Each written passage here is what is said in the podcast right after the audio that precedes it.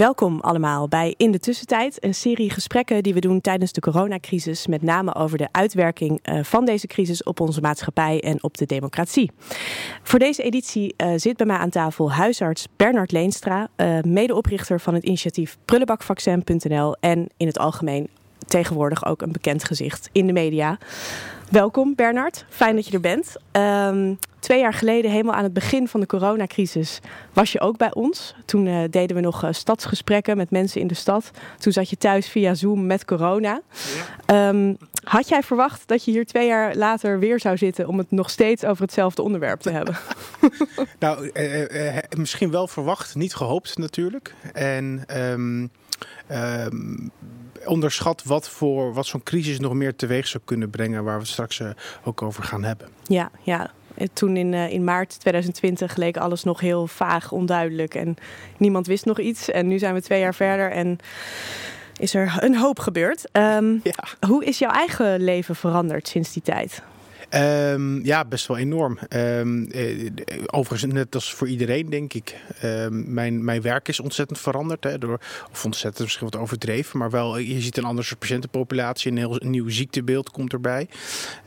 ja, en, en, natuurlijk privé is dat net als voor iedereen heel zwaar. Ook, je, je, je, leeft echt wat meer in isolatie. Ja. Uh, dus net als voor de rest van Nederland behoorlijk wennen geweest. Ja. Uh, ja, ook wel reden klaar mee. Ja, dat, ja, net als iedereen, denk ik. Precies. Um, ja, je bent natuurlijk uh, huisarts in opleiding, als ik het goed heb. Mm -hmm. um, nog twee weken. Nog twee weken in opleiding, daarna huisarts, punt. Ja. Um, jouw leven is natuurlijk ook veranderd omdat je je opeens bent echt actief bent gaan inzetten uh, in de coronacrisis. Um, wanneer dacht je van ik moet, ik moet iets doen? Ik moet als arts mijn stem laten horen?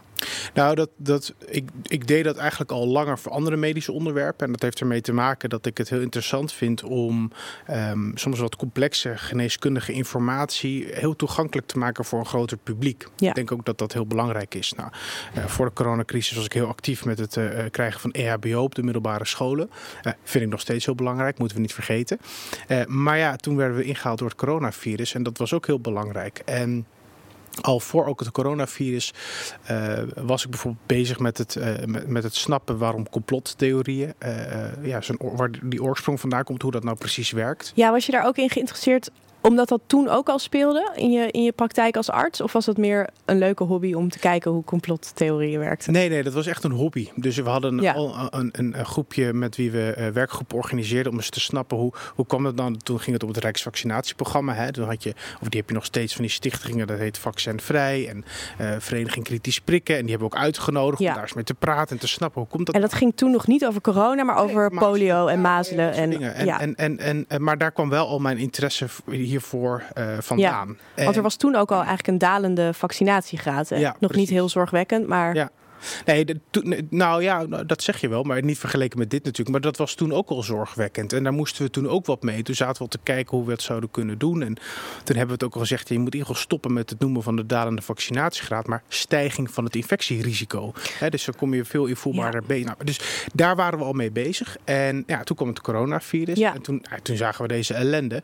En daar kwamen de twee dingen die ik net noemde samen. Dus dat ik Ja. heel interessant vind om een groot publiek te informeren. Um, om, om, om, te voorkomen dat ze uh, nou ja, verkeerde informatie uh, gaan geloven, onder andere. Um, maar ook mijn, mijn interesse om um, uh, ja, het, over, die, over die complottheorieën en, die, en, die, en in dit geval de vaccinatiegraden. Dus ja, en je ging dus ook echt in gesprek met die, die stichtingen die eigenlijk mensen opriepen om zich niet te laten vaccineren. Ja, ik heb ze uitgenodigd, de voorzitter, ja. voorzitters en, en, belangrijke figuren van die stichtingen. Die zijn ook in het UMC Utrecht gekomen, daar in, in de collegezaal. Daar gingen we, gingen we, ik wilde echt in dialoog met ze. Ja. Ik wilde snappen hoe het kan dat zij zo diametraal anders kijken naar, naar vaccins en hoe goed dat werkt dan de wetenschap dat doet. Waar komt dat vandaan? En dat vind ik nog tot op de dag van vandaag ontzettend interessant. Heb je daar iets van geleerd van dat gesprek? Ja, uh, uh, uh, namelijk dat ik het steeds minder goed begrijp. Um, En dat komt omdat uh, je, je ziet al bijvoorbeeld uh, een auteur als Evans, Richard Evans geloof ik, die heeft al geschreven over de complottheorieën tijdens de Tweede Wereldoorlog. Hey, het is absoluut niet nieuw en daarvoor in de geschiedenis kwam, kwam dat ook al voor. Um, en je ziet steeds toch wel wat verschillende invalshoeken waardoor dat komt. Vrij recent, Kees Zwijstra, filosoof, heeft een boek geschreven, Waarheidszoekers, gaat hier ook over. Ja. Wat is nou de achterliggende gedachte? Het is echt heel complex, maar ik vind het super interessant. Ja, grappig dat je hem noemt, want hij zegt in zijn boek ook eigenlijk die mensen in complot, die in complottheorieën geloven, die zijn echt kwaadaardig. Die moet je bestrijden. Mhm. Ehm, terwijl andere mensen denken, nee, je moet juist in dialoog misschien met ze gaan om ze, om ze te kunnen overtuigen. Of om met ze te, ik weet ook niet of dat tegenover elkaar staat hoor. Ik denk dat het NN is. Ja. Dus ik denk dat, ik denk dat de complotdenker bestaat niet. Het is echt een, eh, dat is echt een divers eh, iemand. Denk ik overigens. Want ik wil mezelf ook nog niet vergelijken met deze auteurs die zoveel onderzoek daarin gedaan hebben. Ik, ik heb alleen wat erover boeken gelezen en uh, gesprekken over Ik ben geen gedragswetenschapper. Maar wel vind het bui buitengewoon interessant. Te meer omdat ik wel denk, en dat zie ik ook bij mij wel in de spreekkamer. Uh, informatievoorziening gaat steeds meer cruciale rol spelen.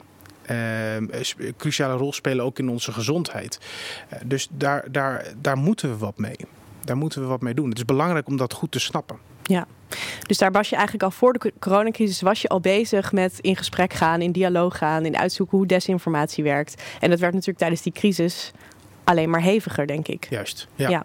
Je, nou, je, wat je vooral zag, um, is dat wat we nu ook zien en hebben gezien in de afgelopen maanden, dat er dus echt heel veel mensen op de intensive care bijvoorbeeld hebben gelegen, uh, die daar misschien niet hadden gelegen als ze niet bevangen waren geraakt door die desinformatie. Ja. Um, en daar zie je dus dat een, een wat misschien onschuldig lijkt um, op social media of, of waar dan ook. Hè, dus ons, desinformatie onschuldig lijkt, echt daadwerkelijk fysieke consequenties heeft. Het kost echt leed en levens.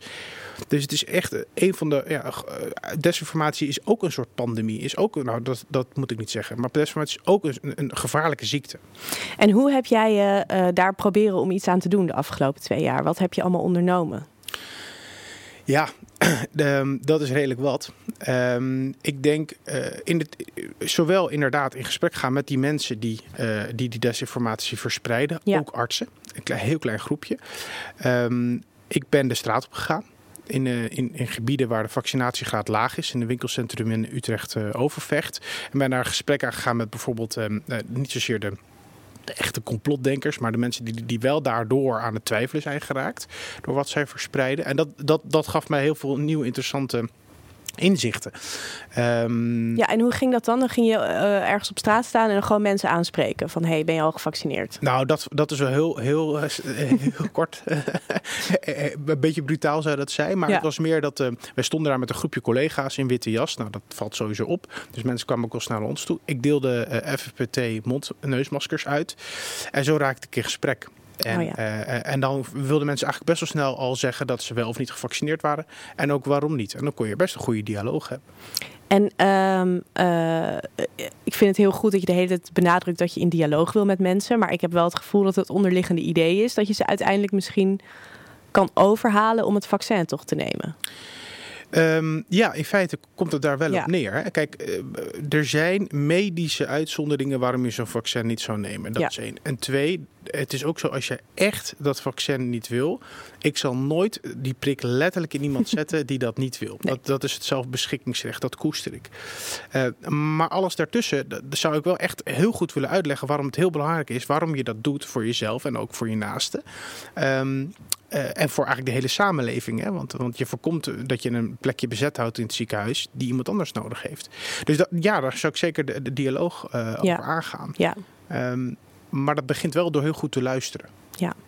Dus je hebt dat gedaan en daarnaast ben je ook aan heel veel talkshowtafels aangeschoven. Ook om in gesprek te gaan met mensen die geen vaccin willen nemen of met andere mensen. Ja. Dus je bent heel erg publiek naar buiten gaan treden. Zeker. Um, dat heeft ook de consequentie gehad dat je heel wat bedreigingen hebt ontvangen. Ja, behoorlijk. Ja, zeker. Kijk, um, je ziet dat voor sommige mensen kennelijk het, het, het zo heftig is, uh, die, die, die zo uh, bevangen zijn geraakt in die, in die alternatieve werkelijkheid, dat zij ervan overtuigd zijn dat die vaccins gif zijn. Het is voor hen niet eens een twijfel. Dat is zo. Daarmee, en dat kreeg ik vaak naar mijn hoofd en de collega's die met mij dit ook doen ook, werden we al snel gezien als de NSB'ers of de nazi's. en zij het verzet. En dan kregen zij het idee dat zij als, ja, als verzetsheld eventueel mij wel uit de weg zouden willen ruimen. Want hoe mooi is dat als jij zo'n NSB'er weet te pakken? Ja. Het is natuurlijk een krankzinnige idiotie. Um, uh, maar dat gebeurt uh, echt. En we, nou ja, niet alleen artsen, maar ook journalisten, politici hebben meegekregen. Uh, dus er is een heel klein groepje wat echt helemaal doorgedraaid is. Ja, en dat, um, dat lijkt me best ingewikkeld. Want je hebt natuurlijk heel veel mensen die online dingen roepen. En hoeveel gaan het ook echt, gaan echt iets ondernemen? Nou, jij hebt ook meegemaakt dat er echt iemand opgepakt is. Ja, en dat was ook iemand die het alleen maar online heeft gezet. Maar de vraag is, um, telt dat dan niet? Als je zegt, nou, het is online, dus we, we, we nemen het niet zo serieus. Ik vind van niet ik vind ook dat je, uh, als jij een concrete doodsbedreiging uit op, um, op, op, op waar dan ook op internet, uh, dan telt dat ook als een doodsbedreiging. En ja. dat vindt de politie kennelijk ook. Want ik moet hier een beetje terughouden. Ik ben geen jurist, maar ik vind dat gewoon als, als burger samenleving vind ik dat niet kunnen. Nee. Um, ik denk wel, ik, ik, moet zeggen, ik kan me voorstellen dat iemand in een opwelling op internet zoiets heel snel tikt. Hè? En, en, en of het echt gemeend is, ja of nee. Of, dat, of je nou echt geld gaat betalen om mij te vermoorden, wat mij zo. Ja, dat was de bedreiging. Ja, dat was ja. de bedreiging. Ja, uh, uh, uh, dat denk ik ook niet. Maar dan denk ik ook, ja, dat doet er eigenlijk helemaal niet toe. Nee. Want je hebt er één idioot nodig die dat leest. Ja. En als we dit allemaal gaan normaliseren en we gaan zeggen, nee, maar die bedreigingen online, dat is prima, weet je, laat maar, het is online. Ja, dan, dan, dan ga je ook het echt normaliseren dat je gewoon bedreigd mag worden. Ja. En dan inderdaad uh, heb je maar één, echt gek nodig die, die tot handeling overgaat. Ja, je zei ook al, je bent, uh, niet, jullie zijn niet de enige beroepsgroep die bedreigd worden. Het zijn ook politici, het zijn eigenlijk heel veel uh, instituties die bedreigd worden. Zit daar ook een deel um, misschien van de vaccinweigeraars die gewoon geen vertrouwen meer hebben in de overheid, in allerlei instituties. En dat het niet zozeer medisch is, maar dat het misschien gestoeld is op, op een algeheel wantrouwen.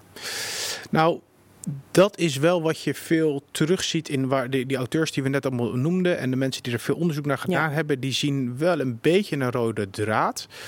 Um, en is dat, dat deze mensen eigenlijk problemen hebben op andere sociale domeinen. Ja, en zie jij dat dan ook in die mensen die je gesproken hebt, als je dan bijvoorbeeld op zo'n markt stond om te ja. praten? Nou, dus even, daar even, ik wil even onderscheid maken tussen de vaccin-twijfelaars, die ja. sprak op de markt, en die echte hardcore mensen die desinformatie verspreiden en de complotten, ja. complotten geloven. Die twijfelaars, daar, was niet, daar is echt helemaal niet zoveel mee aan de hand. Maar ik heb ook gesproken met inderdaad die mensen die echt helemaal bevangen zijn door het World Economic Forum en de 5G en noem maar op.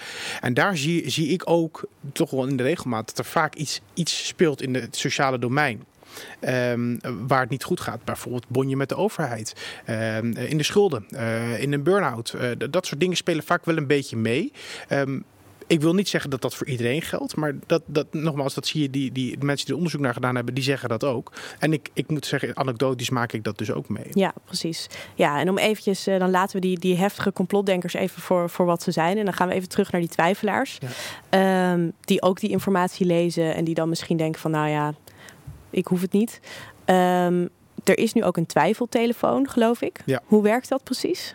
Nou, dat is dus die. Kijk, heel veel mensen die hebben twijfels over, over wel of niet vaccineren. En dat zijn helemaal geen domme mensen. Het zijn ook helemaal geen rare mensen. Dat zijn gewoon, dat hadden, jij, kunnen jij en ik zijn. Um, en ik begrijp dat. Want je ziet ontzettend veel informatie voorbij komen. Dat je soms bedenkt, nou. Ik twijfel wel of ik dit moet doen. Ik wil nog kinderen. Misschien word ik niet ja. vruchtbaar. Dat... Ja, er was ook heel veel onzeker aan het begin ja, van de coronacrisis. Ja, precies. Dus ik, ik snap twijfel. Dat is heel gezond. Ja. um, uit twijfel mag er zijn. Nou is het belangrijk dat wij er iets met die twijfel kunnen doen. En uh, een van de initiatieven, uh, opgericht door uh, onder andere Robin Peters, een bekende internist, is de twijfeltelefoon. Waarbij jij met je twijfel gewoon kan bellen. Het is eigenlijk een soort helpdesk. En um, daar is dan een, uh, een geneeskundestudent of een andere medische professional uh, die in de materie zit en ook toegang heeft tot allerlei informatie. En die kan met jou het gesprek aangaan. En wellicht je twijfel wegnemen.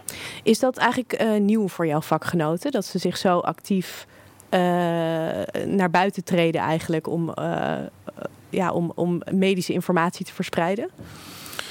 Nou, het interessante is, de twijfeltelefoon is nog niet echt naar buiten treden. Het verschil daarom zit hem in dat jij als twijfelaar echt zelf de telefoon ja, moet pakken. Ja, je moet zelf die handeling ja. nemen. Ja. Uh, ik ken even niet zo 1, 2, 3 een heel groot verschil, uh, of sorry, overeenkomst met de twijfeltelefoon wat er nu is. Um, je hebt natuurlijk wel wat hulplijnen die je kan bellen. Die bestaan al langer.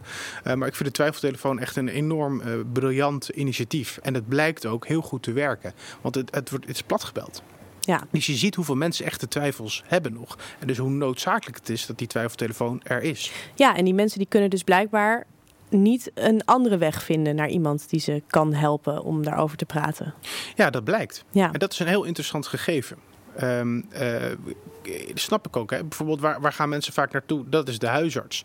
Uh, maar wij lopen over. Uh, er, is, uh, is, er zijn te weinig huisartsen. We worden allemaal ouder. Er moet heel veel zorg vanuit het ziekenhuis naar de huisarts toe. dus wij hebben het ontzettend druk uh, om iedereen maar even de tijd voor te nemen om rustig die vaccinatietwijfel te bespreken. Dus dat, dat, dat werkt niet. En daarom is zo'n twijfeltelefoon bijvoorbeeld heel goed. Ja, want zo'n consult is 10 minuten geloof ik hè, bij de huisarts. Ja, nog 10 en ik hoop binnenkort 15. Ja, dan heb je wel een hele snelle PowerPoint-presentatie nodig om, ja, om het allemaal uit te kunnen leggen. Dat, dat is ja. een ding. Ja, dat, probeer het maar eens in 10 minuten. Ja, maar het is in het algemeen algemeen natuurlijk wel zo dat, dat um, uh, artsen nog nooit zo in de media zijn geweest als de afgelopen twee jaar. Opeens overal virologen, uh, IC-deskundigen, huisartsen. Opeens zat iedereen overal in de media aan de talkshowtafels, in de krant. Um, is, dat, uh, is dat denk je iets blijvends? Ik denk het wel. Um, en dat komt omdat wat je nu ziet is dat, um, nou, wat ik net al in het begin zei, die media of de, of de sociale media hebben echt een daadwerkelijk hè, output in wat er gebeurt in de samenleving als het gaat om de gezondheidszorg. Ja. Dat betekent dat wij ook, en wij bedoel ik dan de wetenschap en de zorgverleners, ook, ook aan die media mee zullen moeten doen. Um, want als we dat niet doen, dan krijg je dus dat de, ik noem het maar even de populisme-geneeskunde, eh, die ongenuanceerd en alles maar kan spuien op sociale media bijvoorbeeld, ja. um, dat die de overhand krijgt. En mensen luisteren daarnaar. Ja, dat is toch. Ja. Maar dat is nogal anders dan vroeger, waarbij je gewoon je had de krant en je had. Um, je luisterde sowieso altijd gewoon naar de dokter. En uh, um, uh, je, je, keek het NOS-journaal. En dat, dat deze maar ongeveer. Maar dat is niet meer zo. Nee. nee, en als mensen iets hebben, gaan ze eerst iets googlen. En dan komen ze jou vertellen wat ze hebben. Toch? Bijvoorbeeld. Ja. ja. Um, je noemde het net al heel even, maar er is dus ook een, uh, een klein groepje artsen die zich actief verzet tegen vaccinatie en tegen nou, die eigenlijk desinformatie verspreidt. Mm -hmm. um, hoe, hoe kan dat? Ja, ja, dat, dat, dacht ik ook. Hè? Hoe, hoe, kan dat? Maar kijk, um, vooropgesteld, wat je ziet is dat um, ook bij artsen die kunnen enigszins bevangen raken door een, een, een alternatieve werkelijkheid. Um, er zijn ook artsen die zich helemaal gaan uh, toerichten op alternatieve geneeskunde, waar helemaal geen wetenschap ja. grondslag voor is. Um, ja, zo geldt dat ook in deze, deze discussie. Het is natuurlijk maar een heel klein groepje. We hebben tienduizenden artsen in Nederland. En er is een heel klein groepje, wat, uh, nou ja, het is bijna statistisch logisch dat die er is, uh, die, die helemaal bevangen zijn geraakt door alternatieve theorieën. En wat je ziet is dat zij, uh, zij hebben zich ook verenigd. En zij zijn in principe tegen alles. En dat is, dat is hetgene wat zo opvallend. Alles wat de overheid voorstelt, vaccinaties, PCR-testen, mondkapjes, anderhalve meter, et cetera, daar zijn ze tegen. Ja. En daarmee laat je, zie je eigenlijk al dat er iets geks in zit.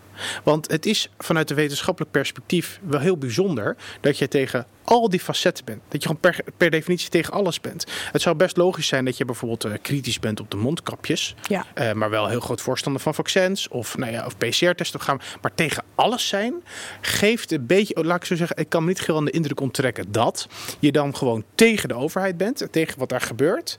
En wat ze ook roepen, daar ben je tegen. En dan zoek je vervolgens wel naar argumenten waarmee je dat kan volhouden. Ja. Maar is het dan ook dat, omdat dit groepje zo vocaal is, dat jij eigenlijk andere artsen oproept van jullie moeten ook je uitspreken. Je moet ook op internet. En je moet de hele tijd zeggen dit klopt niet, dit klopt niet. Ja, absoluut. En ik had dat liever niet gewild. Want ik, ik had stiekem ook wel gewild in een wereld waar we gewoon wat minder geneigd waren. Dat iedereen maar altijd maar zijn mening geeft. maar, het, maar het is er nu eenmaal. En wat er gebeurt, en dat is wat ik op straat heb gezien bij die twijfelaars. Die zeggen tegen mij, ja maar dokter, eh, ik heb ook van artsen gehoord die zeggen dat het onverstandig is om dit te doen. Ja. En voor deze mensen maakt het helemaal niet uit dat die verhouding krankzinnig 0,01 procent Nee, want dat is ook gewoon een arts. Precies. Zij zien dat als hey, er is een, er is een, er zijn, uh, er is een discussie gaande. Dus, het, dus, dus voorlopig wacht ik die discussie maar even af. Dat ja. is eigenlijk helemaal geen discussie gaande. Er is een heel klein groepje artsen die dat dus heel hard verkondigt. En dat doet op sociale media. En dat vrijheid mag doen. Want uh, de, ja, er wordt heel weinig uh, tegengeluid geboden. Ja. En snap jij waarom uh, artsen niet zoveel zin hebben om dat tegengeluid te geven misschien? Ja, dat snap ik wel. Want we hebben het al hartstikke druk. Je hebt daarnaast ook nog je privéleven. En dan moet je op Twitter en op Facebook ook nog allemaal dingen gaan reageren. Ik begrijp wel dat je dat niet wil om heel veel redenen. Je, dat moet je dan ook met naam en toenaam doen. En iedereen kan dat zien. Ja. Vervolgens hoor je ook nog dat de een of andere huisartsenopleiding dat moet bekopen met doodsbedreigingen. Ja. Dan heb je er helemaal geen zin meer in. Nee. Dus ik begrijp dat. En twee, en dat is iets wat de uh, artsenfederaties zeggen, de KNMG bijvoorbeeld. Ja, weet je. Um, als we daarop ingaan, op wat ze allemaal roepen op sociale media, dan ja, wat je aandacht geeft, groeit. En dat begrijp ik wel. Oprecht, ik, ik, ik snap dat. Dat is, dat is invoelbaar. Um, aan de andere kant, het is al best wel groot. En zij staan daar nu op een podium en zij staan daar echt helemaal alleen. Of betrekkelijk alleen. Nou, er zijn een handjevol die maar proberen een weerwoord te bieden. Ja. Maar ik denk dat het veel krachtiger zou zijn als de artsenfederatie wel tegen zich uit zou spreken. Ja. ja. Um, je hebt gisteren ook een stuk hierover geschreven in Trouw, eigenlijk over hoe desinformatie uh, ervoor zorgt dat, dat uh, nou ja, eigenlijk natuurlijk de hele samenleving ontwricht wordt op heel veel punten. Um, maar is dat echt iets waar jij als arts iets aan kan doen? Is dat niet veel te groot? Nou, kijk, ik heb niet de illusie dat we, dat we even op social media desinformatie kunnen uitwissen. Nee. En dat we complottheorieën kunnen uitbannen. Dus zeker niet. Maar ik denk wel dat we iets moeten proberen. En um, ik denk dat het in ieder geval goed is om daarmee te gaan experimenteren. Want in tegenstelling tot bijvoorbeeld Mark Rutte, die beweert social media is iets tijdelijks, hè, daarom zit hij niet op Twitter. Ik denk, nou, ik weet niet of dat waar is. Het zou ook best wel kunnen zijn dat social media heel lang onder ons blijft. En dan moeten we er wat mee. Want we hebben nu gezien wat voor ellende het teweeg heeft gebracht. Um, en daarin geloof ik dat we uh, anders dan dat we moeten gaan uh, wissen bijvoorbeeld of blokkeren. Dat we uh, de, juist moeten kijken of het mogelijk is om een soort van dialoog aan te gaan.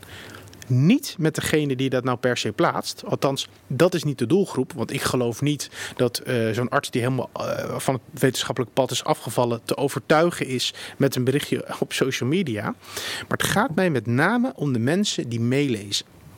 En dat heb ik gezien dat dat heel veel gebeurt. Want ik bestrijd zelf uh, desinformatie op sociale media. En ik krijg persoonlijke berichten van mensen die mij bedanken of zeggen: Goh, dat was heel interessant. Ik heb dat gelezen. Die hebben zelf zich niet gemengd in die discussie, maar gebruiken wel de informatie om uh, ja, zich te informeren. Of om weer hun ouders bijvoorbeeld te informeren. Dus het, ik, ik denk wel dat we dat moeten gaan proberen. Ja. En um, zie je dan een soort digitaal equivalent voor je van de twijfeltelefoon? Juist, precies dat. Dus eigenlijk, uh, als je de twijfeltelefoon een soort klantenservice kan noemen voor vaccintwijfelaars.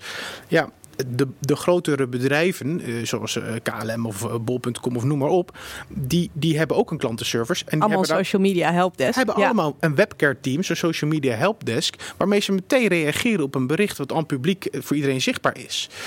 Ik zou wel eens willen weten of je met een soort experiment, uh, als je dat nou doet op desinformatie wat verspreid wordt, dat je gewoon een genuanceerd tegenantwoord geeft, uh, kijken wat dat teweeg brengt. Ik, ik denk dat dat echt wel voordelen heeft. Bijvoorbeeld dat iemand uh, die, die dat leest en, en geen krant openslaat en niet naar Nieuwsuur kijkt, maar alleen dat leest, niet alleen maar dat desinformatieverhaal krijgt, maar ook een reactie van dan zo'n webcare-team met nou, het ligt wat genuanceerder, want het is dus en zo.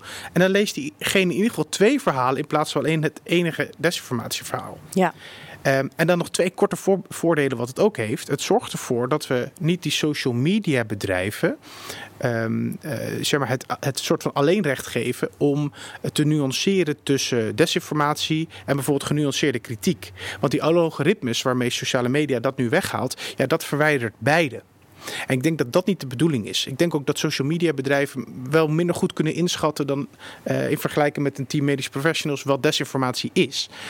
En het derde is, en dit vind ik zelf de belangrijkste, door een reactie te geven, door bijvoorbeeld uh, antwoord te geven op vragen die gesteld worden op sociale media, laat je diegene zien: hey, je wordt gehoord. En je mag er zijn met je twijfel. Uh, je mag er zijn met je vragen. We geven uh, reactie. En ik denk, of ik hoop, dat dat misschien het gevoel van polarisatie voorkomt. Doordat door, mensen het idee hebben, er is geen censuur. We, we, we beantwoorden de vragen. Ja, ja. Nou, dat zou ik willen proberen. Interessant. Lijkt me ook een hele klus. Uh, ja. Zeker voor, voor huisartsen die het al zo druk hebben. Maar ja. um, Nou, ik ben bezig met een werkgroep, onder andere met oprichters van de Twijfeltelefoon. Ik denk ook niet dat de huisartsen dit moeten gaan doen. Ik denk dat we net als de Twijfeltelefoon zo'n soort team die dat nu bemant, dan voor online moeten gaan inzetten. Ja. Uh, en eerst natuurlijk als proef. Want als dit werkt, ja, dan is het best interessant voor de toekomst. Want er zal nog wel vaker desinformatie over andere thema's uh, aan bod komen. Nou, dan kunnen we dat, dat systeem wellicht ook daarvoor gebruiken. Ja. Ik heb uh, vandaag nog even op de site gekeken van het RIVM. En um, daar staat dat er nu iets meer dan 86% helemaal gevaccineerd is van heel Nederland. Dus dat lijkt mij een best hoog aantal. Um, dan heb je nog een klein groepje natuurlijk over. Daar zitten waarschijnlijk ook mensen bij die willen het principieel niet. Die kunnen het misschien niet nemen omdat ze andere onderliggende ziektes hebben. Is het niet gewoon bijna opgelost? nou ja, dat weten we niet. Dat is het eerlijke antwoord. Omdat je hebt het over de vaccinatiegraad. Maar die vaccinatiegraad, dat wordt elke keer, de noodzakelijke vaccinatiegraad, wordt afgesteld op het virus wat dan dominant is. Ja. Of wat dan speelt. Dus dat kan gewoon fluctueren. En het lijkt er ook op dat we nog niet echt klaar zijn met vaccineren. Nou ja, we vinden, we vinden 86 nu heel hoog. Hè? Omdat er ja. wel eens 60, 70 werd groepen vinden ja, 86 is maar voor Maas is het 95. En als het 94 is, dan worden we al een beetje zenuwachtig. Snap je? Dus het is, daar zit wel een verschil in. Um, maar, maar ik weet het niet. Als de Y-variant straks komt, ik hoop het niet, de Omicron. Maar wie weet heeft hij ook weer een andere R-waarde en verandert de vaccinatiegraad weer. Dus ja. wel wat relatief. Ja, dus dit blijft een eeuwige strijd. Ook omdat je natuurlijk voor de coronacrisis al begonnen was met die vaccinatiegraad voor alle andere ja. ziektes. Ja, nou ja, dat is het interessante. Dat, um, daar kan ik iedereen die nu, nu kijkt uh, wel even iets aanraden. Dat is de, de documentaire op Netflix Behind the Curve. Heb jij die gezien? Nee, heb ik niet gezien. Nou, dat gaat over uh, bijvoorbeeld complotdenkers um, um, die, die, die denken dat de aarde plat is.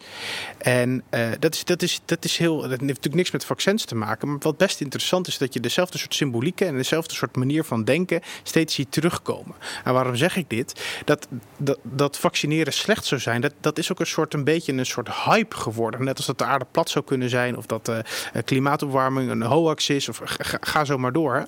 En, en vaccins we hadden net goed heel boos kunnen worden op, op, op, op Chocomel. Uh, dat je, het, is, het, is, het, is, geselecteerd onderwerp. Waarvan, ja, het is er nu eenmaal. Uh, en daardoor zijn mensen wat gaan twijfelen. Maar het, het, is ontzettend goed. Vaccins hebben krankzinnig veel levens gered. Dat is ongekend. Ja. Een van de beste medische uitvindingen die we hebben. Ja, je zei al even, um, of we hadden het al eerder over, dat natuurlijk de artsen nu heel erg hard aan het trekken zijn. Maar vind je niet ook dat er een taak bij de overheid ligt? Ook als het om desinformatie gaat en ook als het om vertrouwen gaat? Ja, vind ik ook. Alleen het punt is, de, de overheid heeft een beetje een, eh, een besmette naam, om maar even een uh, toepasselijk woord te gebruiken. Um, dat maakt het ook wel wat lastig. Ik, de, de, overheid nog steeds, wij zijn dat. Wij zijn de wij stemmen, weet je, wij zijn de overheid. Aan de andere kant, je zou maar uh, last hebben van de toeslagenaffaire. Je zou maar in Groningen wonen, uh, Chrome 6, ga zo maar door. Er zijn echt wel uh, zaken waardoor ik kan snappen dat, jij, dat, je, dat je de overheid wat gaat wantrouwen. Dus dat begrijp ik wel. Ik denk dat het heel sterk is dat we zo'n webcare team bijvoorbeeld juist maken van een team dat bestaat uit echt alle ziekenhuizen in Nederland. Zodat je ook altijd kan zeggen, ja, dit is niet een, een heel klein select groepje of nee. dit is het RIVM. Nee, dit zijn gewoon wat de artsen zeggen. Onafhankelijk van wat de overheid nou wil of niet. Dit is een, een, een gezamenlijk initiatief. En ik denk dat dat heel krachtig is. Als je ook kan zeggen, ja, maar luister, alle alle, kijk, alle ziekenhuizen in Nederland zijn ook voor vaccineren. Allemaal. Niet één uitgezonderd. Dat is natuurlijk hartstikke krachtig. En ik denk ook dat die kracht je kan gebruiken in een soort online versie van de twijfeltelefoon. Ja, dus eigenlijk uh, kan de overheid niet zo heel veel doen op dit moment. Nou ja, de overheid, natuurlijk kan de overheid altijd wat doen. Uh, uh, ik denk dat het bijvoorbeeld de persconferenties, de, de, de informatievoorziening, ik denk dat, dat dat echt heel erg belangrijk is. Dat is al stukken beter nu, hè, met, met de plaatjes. Daar is ook over natuurlijk de laatste weer wel discussie, maar in algemene zin is het, is het beter. Ik denk wel, even vanuit kijken naar mijn, mijn vak als huisarts, of bijna huisarts, is ik geloof ontzettend in investeren in, in uh, die andere sociale domeinen. In sociale wijkteams, in dingen als de wijkagent. In, in zorgen dat mensen die een beetje van de, ja, die, die, die, die, die, die gewoon pech hebben in het leven. En uh, de steun missen, dat je die, dat je die weer overeind helpt. Um, en nou, dat is misschien mijn wat uh, links sociale hart. Maar ik denk echt dat als we, als we die ongelijkheid wat zouden kunnen voorkomen, heb ik wel het idee dat we ook dit soort ellende wat meer voorkomen. Ja.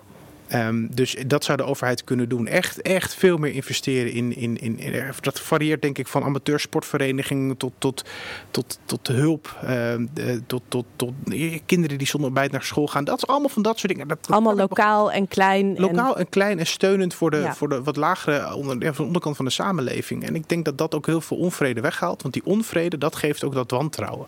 En dat voedt dan vervolgens weer, denk ik, ook um, kunnen geloven in desinformatie en in een alternatieve werkelijkheid. Ja.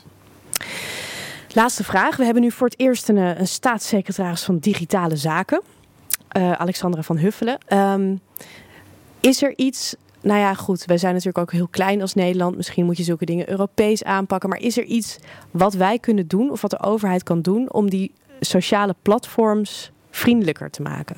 Ja, dat vind ik een, dat vind ik een prachtige vraag. Ehm, maar dat zou, dat zou ik niet weten. Want ik, ik ben echt een dokter die last heeft van de sociale media. Wiens patiënten last hebben van de sociale media. En daarom wil ik er wat mee doen. Maar dit zou ik echt ehm, aan de gedragswetenschappen willen voorleggen. met een interessegebied in, in de sociale media. Uh, daar ben ik ook naar op zoek. Voor, als toevoeging voor onze werkgroep. Nou, het is een mooi oproepje. Het is een mooi oproepje bij deze. Um, dus dat, dat, dat, wil ik echt, uh, dat wil ik echt doen. maar dat we er wat mee moeten, ja, dat geloof ik. En dat ik, heb, ik heb het wel eens gevraagd. En ik hoor ook wel hele interessante ideeën over uh, uh, sociale media niet meer anoniem maken. Nou, daar zou ik eigenlijk ook wel voorstander van zijn. Maar of dat ook echt in de praktijk werkt en of dat echt kan, ja, dat laat ik even aan de experts. Ja, dat begrijp ik. Um... Nou, mochten mensen twijfelen over vaccins of uh, uh, daar meer informatie over willen hebben, wat zou je ze aanraden om te doen? Bel de twijfeltelefoon, ja. dat zeker. En uh, als je echt daar ook niet met de twijfeltelefoon uitkomt, pas dan bel je huisarts. uh, want het is nog steeds ontzettend belangrijk om je wel te laten vaccineren en ook wel te boosten. En we zien nog steeds dat het ontzettend goed effect heeft. Ja. Ook voor uh, dingen als long-covid. Dat moeten we niet vergeten. Hè? Want het gaat, iedereen heeft het altijd over de IC's. Maar COVID maakt nog veel meer kapot. Ook als je gewoon een normale uh, opname hebt of niet eens opgenomen bent, maar heel lang kampt met vermoeidheidsklachten. Ja. Dat, moeten we niet, dat moeten we echt niet onderschatten. Nee. Dus het vaccineren en het boosten is ontzettend belangrijk. En blijf jij je uitspreken in het publieke debat, ondanks alle bagger? Ah, zeker weten. Het is echt belangrijk om dat te blijven doen. Uh, ik, ik zou dat ook echt willen dat collega's dat, dat zeker blijven doen. Om te voorkomen juist. Uh, we moeten. Fauci heeft het ook gezegd. Anthony Fauci, de grote viroloog uit Amerika. Die heeft ook gezegd: we need to flood uh, social media with good information. Of woorden van gelijke strekking. Om, om, om daarmee wat die desinformatie tegen te gaan. Daar geloof ik ook in. Laat maar zien dat de overgrote meerderheid, dat alle ziekenhuizen van Nederland wel voor vaccineren zijn. Ja. Um, dus ook ik zal mijn steentje daaraan uh, aan blijven bijdragen.